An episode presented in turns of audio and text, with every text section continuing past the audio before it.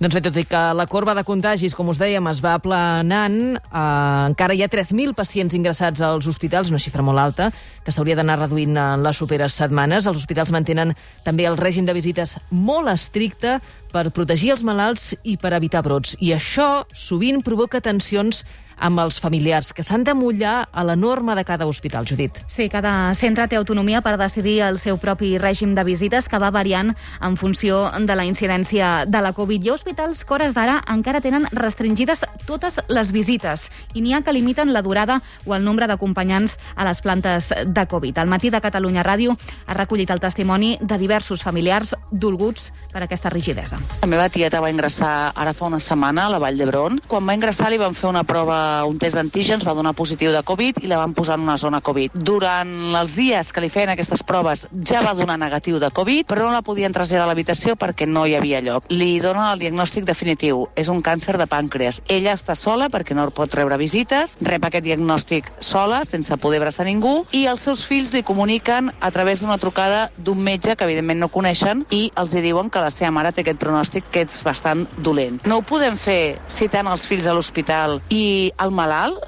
no pot tenir algun familiar a prop, tot i la Covid? Van ingressar el meu avi per una pneumonia, s'estava recuperant de l'UCEU, ens van trucar i ens van dir que s'havia contagiat de Covid allà mateix a l'hospital. I bueno, la doctora ens diu que no pinta bé. I bueno, al principi les visites doncs, anaven la meva mare i la meva tieta, que són les filles, però clar, a mesura que anava avançant la gravetat, doncs com creiem que és normal, els nets també volíem veure l'avi. I aquí és quan un dia doncs, vaig anar a fer la visita i al picar a la porta doncs, ens van dir que no podíem entrar perquè no era filla, era neta i que el protocol era aquest. La meva tieta de 92 anys va ingressar per una fractura de genoll. Es deixaven visitar durant dues hores al dia a un sol familiar i ens van dir que en cas que empitjorés doncs podrien entrar els familiars més pròxims, però no va ser pas així.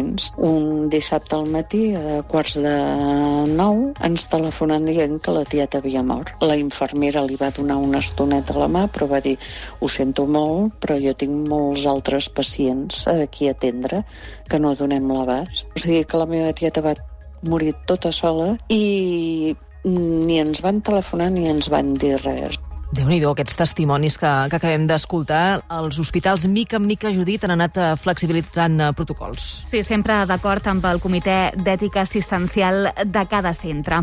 Ara, des del Sindicat d'Infermeres de Catalunya, Octavi Rodríguez diu que es busca sempre l'equilibri entre el dret a la salut i el benestar emocional. S'ha de garantir sempre la seguretat davant d'aquesta onada de Covid i, en la mesura possible, garantir que, pues, que no se surti amb algú que no s'ha entrat. Eh? Vull dir, limitar molt i tant els professionals amb la seva capacitat d'assistència com de, pel pacient, dels familiars, tenir cura de tots ells, buscar l'equilibri no? entre el dret a estar amb el familiar acompanyant-lo i, i el risc d'infectar-se. El Departament de Salut explica que la gran majoria dels hospitals tenen programes específics per oferir la possibilitat de fer videotrucades i molts disposen de tauletes per facilitar aquesta connexió entre els pacients ingressats i els familiars. Aquesta comunicació a distància és possible gràcies a l'ajuda d'equips d'infermeria, assistents socials i voluntaris. Des de l'inici de la pandèmia, els equips sanitaris es posen en contacte per telèfon amb els familiars per explicar com evoluciona el pacient. Doncs bé, a les portes de l'Hospital d'Igualada hi tenim situada la unitat mòbil del matí de Catalunya Ràdio, amb el José Antonio Muñoz i la Marina Romero. Bon dia, Marina. Bon dia, i acompanyats d'una persona que coneix molt bé aquestes restriccions, anava fent que sí amb el cap quan escoltàvem ara aquests testimonis. És la Marta Valero. La seva mare, l'Alissa Aragón, de 74 anys, pateix un càncer de pàncreas que li van detectar al maig de l'any passat sense que cap familiar pogués estar al seu costat en el moment de rebre aquesta notícia.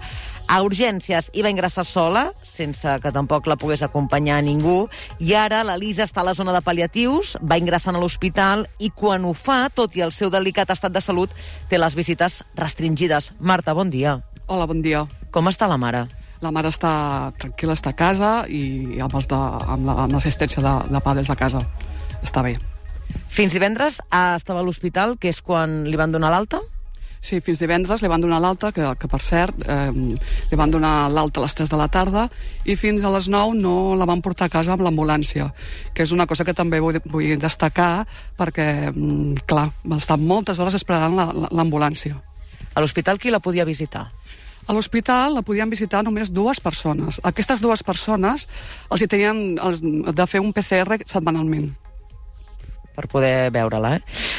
Quins canvis demaneu que s'apliquin immediatament, sobretot aquells familiars que teniu persones que estan ingressant als hospitals i que es troben en un estat delicat de salut?